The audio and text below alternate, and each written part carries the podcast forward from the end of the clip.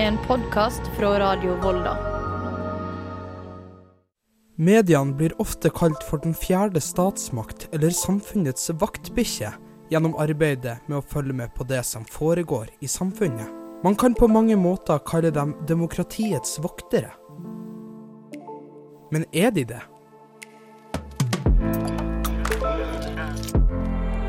Du hører på Demokratiets voktere. Episode 1 Synste Møre. Mitt navn er Trond Odin Johansen, og gjennom fem episoder skal jeg besøke alle lokalmediene på Søre Sunnmøre. Vi skal til Vanylven og avisa Synste Møre. Den nest minste kommunen og den minste lokalavisa på Søre Sunnmøre.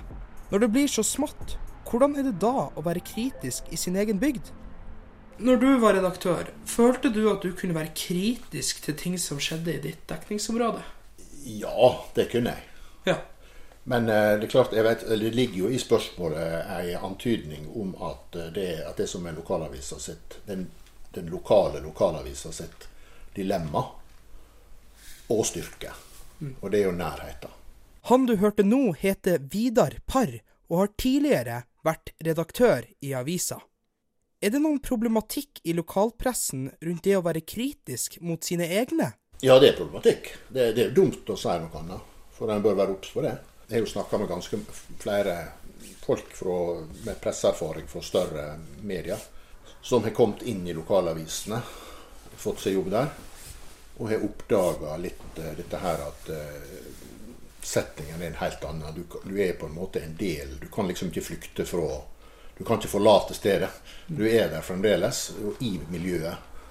Og det, det gir hvis visse Du treffer igjen intervjuobjekter inne, den samme du snur det, i andre settinger og sånt. Og det, det, er, en, det er en utfordring, men det også en, kan også være en styrke.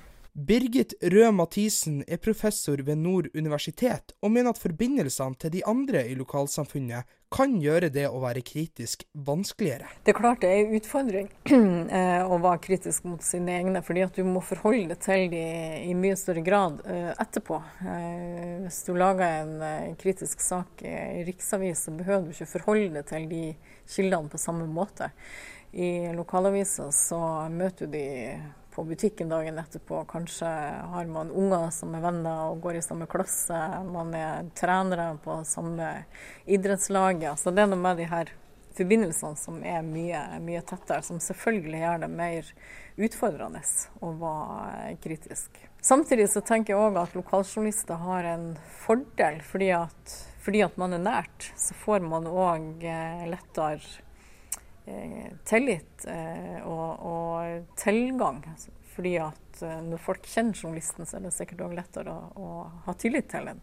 Nærheten og dobbeltrollene kan altså være både en styrke og en svakhet. Men er lokalmediene demokratiets voktere? Nei, ikke alene, men jeg prøver jo å være Jeg tror det er en viktig del av demokratiet. Både på den måten som du antyder her nå, da, at en, ved at en stiller spørsmål og, og, er på plass der det skjer. Men også ved at det er en, en arena for debatt og kritisk refleksjon. Så um, håper iallfall det. Synste Møre er for tiden inne i et redaktørbytte.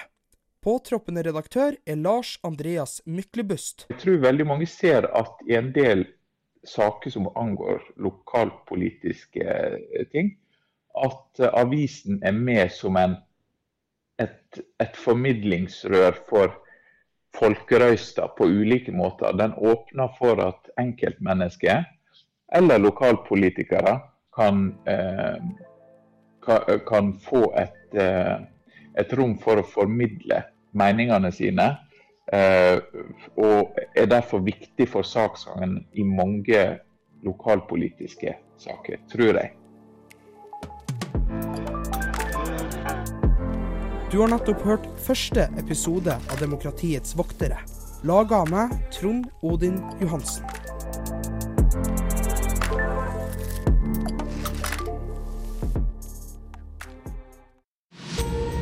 En podkast fra Radio Volda.